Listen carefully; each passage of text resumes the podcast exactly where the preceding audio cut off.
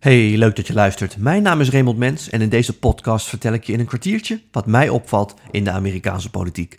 En dat doe ik vooral door al jullie ingestuurde vragen te beantwoorden. Dus nogmaals, blijf die vooral opsturen.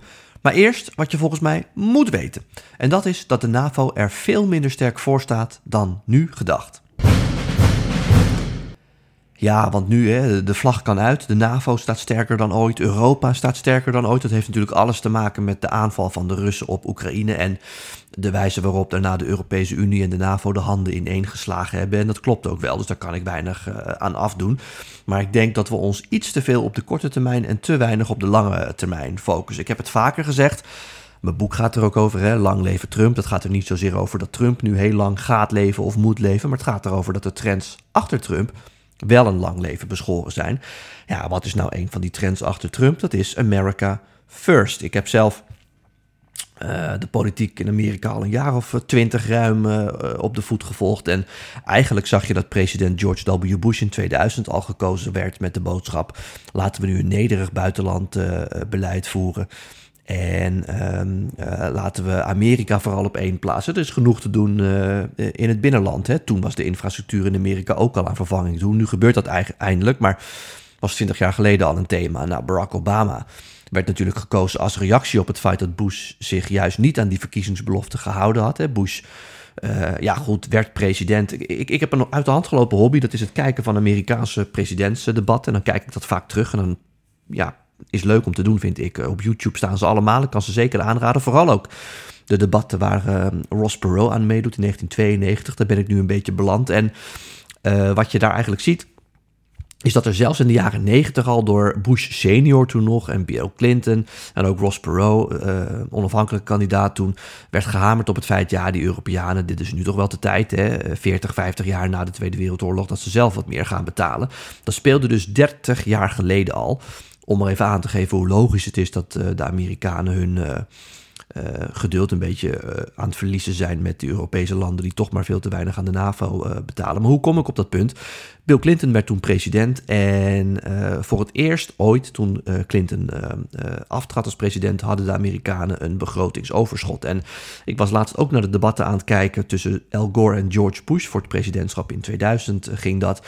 En ja, die gaan eigenlijk grotendeels over wat doen we met dit begrotingsoverschot. En Al Gore zegt laten we het in een kluisje stoppen, kunnen we het altijd nog een keer erbij pakken als we het nodig hebben.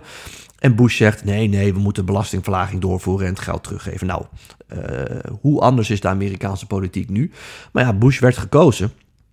En ja, uh, een paar maanden na zijn aantreden was het al 11 september 2001. En kwam er van het nederige buitenlandbeleid wat hij beloofde niet veel tot stand. En uiteindelijk vloeide daar ook de wereldwijde oorlog tegen terreur uit. En de oorlog in Afghanistan, de oorlog in Irak. Nou ja, lang verhaal kort om maar duidelijk te maken dat ook Obama, ondanks de belofte van Bush voor een America First buitenlandbeleid, dat Obama uiteindelijk gekozen werd om die oorlogen te beëindigen. Nou, in Irak is dat gelukt, in Afghanistan was dat moeilijk.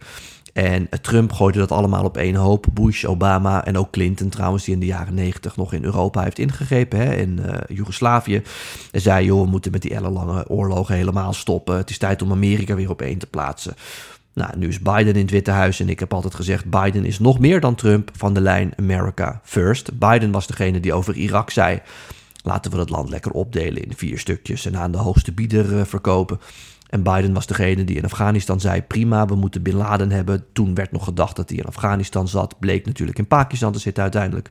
Kan overigens best zijn dat Bin Laden in het begin wel in Afghanistan zat en later niet meer, maar dat terzijde. En Biden wilde daar zo snel mogelijk weg. En dat heeft hij ook gedaan als president. Dus uh, America First uh, is een veel langere trend.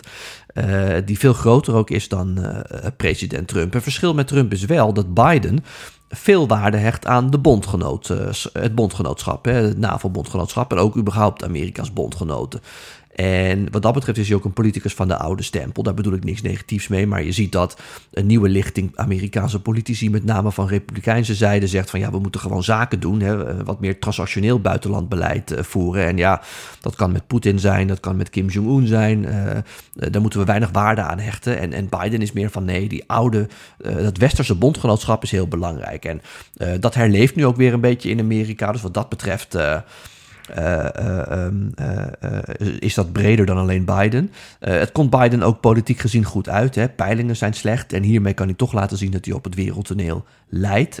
Amerika weer als wereldmacht neerzet. Dat doet het altijd goed. Een oorlogspresident, hoewel Amerika niet letterlijk rechtstreeks in oorlog is, maar natuurlijk wel Oekraïne erg helpt. Een oorlogspresident doet het ook altijd goed. Dus je ziet hem ook een beetje omhoog krabbelen in de peilingen. Dus er komen meerdere politieke krachten samen die Amerika's sterke optreden nu ook verdedigen. Dus het feit dat Biden het nodig heeft, maar ook het feit dat Biden echt wel waarde hecht aan het bondgenootschap.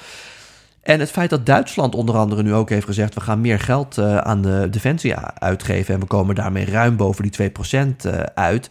Ja, dat maakt het voor Biden, maar ook toekomstige Amerikaanse presidenten natuurlijk een stuk makkelijker om in het binnenland uh, richting Amerikaanse kiezers ook te verdedigen.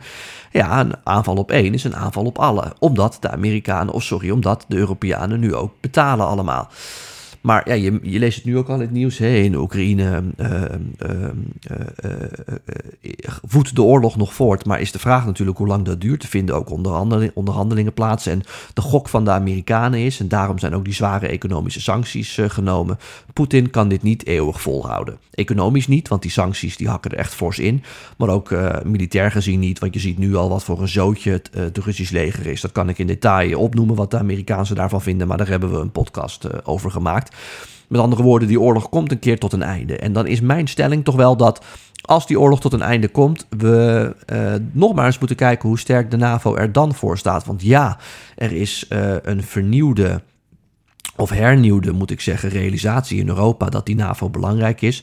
Landen als Zweden en uh, Finland, die geen NAVO-lid zijn, die denken nu toch van, oh, dat moeten we misschien toch maar doen. Nogmaals, Duitsland, die veel geld aan de NAVO besteedt nu, aan, aan het defensie uitgeeft en dus aan die 2%-norm komt. Amerika, die, omdat Biden dat bondsgenootschap belangrijk vindt en ook omdat het Biden nu goed uitkomt, heeft zich weer volledig achter die NAVO geschaard, is daar ontzettend duidelijk over. Als Poetin op één vierkante centimeter van het NAVO-grondgebied komt, dan slaan wij terug. Nou ja, helder verhaal. Maar nogmaals, als die oorlog voorbij is, uh, dan moeten we nog maar kijken hoe het met het geduld van die Amerikanen zit. Want als dit geen signaal is, de aanval van Rusland op Oekraïne, om massaal in Europa allemaal aan die 2%-norm te komen, ook in Nederland, dan weet ik het niet meer. En je ziet nu het signaal van de Duitsers, dat, dit, dat is goed en dat wordt ook uh, met blijdschap in Amerika ontvangen. Nogmaals, dat maakt het voor iedere Amerikaanse president, ook voor de opvolger van Biden, ook als dat weer Trump is, makkelijker om uh, artikel 5 te verdedigen. Hè? Een aanval op één is een aanval op alle. Maar als zelfs na deze oorlog, en die oorlog komt een keer tot een eind, als zelfs na deze oorlog in Oekraïne nog steeds heel veel Europese landen, Spanje, Italië, Frankrijk, maar ook Nederland, nog steeds niet aan die 2%-norm voldoen ja, dan ben ik bang dat in Amerika er ook, uh, met name in het Trump-kamp, en dat is toch uh, het, ja, de belangrijkste stroming nu in de Republikeinse Partij, dat er met name in het Trump-kamp ook weer hernieuwde stemmen opkomen die zeggen we moeten er maar mee stoppen. Een aanval op één is niet zozeer 1, 2, 3 een aanval op alle, dat moeten we nog maar zien. Want dan uh, zal in Amerika echt een beetje um, uh, het verhaal zijn: die Europeanen hebben hier niks van uh, geleerd. het laatste nieuws uit Nederland is dat het kabinet onderzoekt hè, of het mogelijk is om naar die 2%-norm te komen. Nou, dan komt er een heel verhaal. Ja, lastig, want wat moeten we dan kopen? Nou, ik ken een paar mensen die in het leger zitten. Volgens mij is er genoeg materiaal nodig. En ik weet ook dat de Amerikanen graag producten verkopen. Dus er is ook genoeg te slijten. Hè. Wat ik bij op één zei, er staan nog wat meer F-35's te koop. Nederland zou er oorspronkelijk ook veel meer kopen. Dus voor een paar miljard uh, kun je zo een paar van die uh, toestellen kopen. Dus daar zal het niet uh, aan liggen. En tegelijkertijd zie je natuurlijk dat er in Nederland nu gezegd wordt: ja, waar moet dat geld dan vandaan komen? Hè? Moet het uit het klimaatfonds komen? Nou, hoe het kabinet daarmee omgaat, dat moeten we maar zien. Maar één ding is helder: als vanuit Nederland, maar ook een aantal andere Europese landen, na deze oorlog nog steeds het signaal is: ja, we kijken ernaar, maar we zitten nog steeds niet op die 2% ja, dan denk ik dat die NAVO echt er veel minder sterk voor staat op de lange termijn dan, dan dat we nu denken. Goed, tot zover mijn kijk op de actualiteit. Nu naar de vragen die jullie instuurden via onder andere Twitter en Instagram. Ja, even goed eh, zoeken. Uh, ja, ik zit overigens uh, tegenwoordig bij een logopedist. Dat vind ik hartstikke fijn, want die helpt mij een beetje langzamer praten. Ik merk dat ik nu ook weer ontzettend snel door deze podcast ga. Maar ja, als ik dan ergens op een gegeven moment maar een beetje op dreef ben, dan praat ik maar gewoon door. als je daar binnenkomt bij die logopedist, dan zegt die vrouw: Joh, kun jij eens praten zonder te ademen? En hoe lang hou je dat vol? Nou, ik geloof dat de meeste mensen dat 20 tot 25 seconden kunnen. Ik kwam geloof ik ruim over de minuut. Dus ja, ik zeg, ik adem nooit als ik praat eigenlijk. Dus dat moet ik leren. Dus ik zal mijn best doen nu bij het beantwoorden van de vragen. Rustmoment. Uh, eerste vraag, Lars. Uh, komt er een no-fly zone in Oekraïne? Ja, uh, de president van Oekraïne, Zelensky, heeft zojuist vanmorgen het Amerikaanse congres toegesproken. ontzettend eervol natuurlijk, al kan ik me voorstellen dat hij deze eer liever niet had gehad, gezien de huidige omstandigheden. Hij is daarmee de eerste Ehm, eh, eh, die het Amerikaanse congres virtueel toespreekt. Want hij deed dat natuurlijk vanuit Kiev. En hij vroeg ook weer van ja, mijn boodschap is sluit het luchtruim. En hij maakte de vergelijking eigenlijk met 9-11, waarin hij zei: Ja, als jullie nou van tevoren in Amerika, hè, we hebben het net over Bush gehad, die overvallen werd door 9-11. Als jullie nou van tevoren wisten dat 9-11 eraan kwam, dan had je toch wel A, B, C en D uh, gedaan. Nou ja, die oproep heeft hij nu gedaan.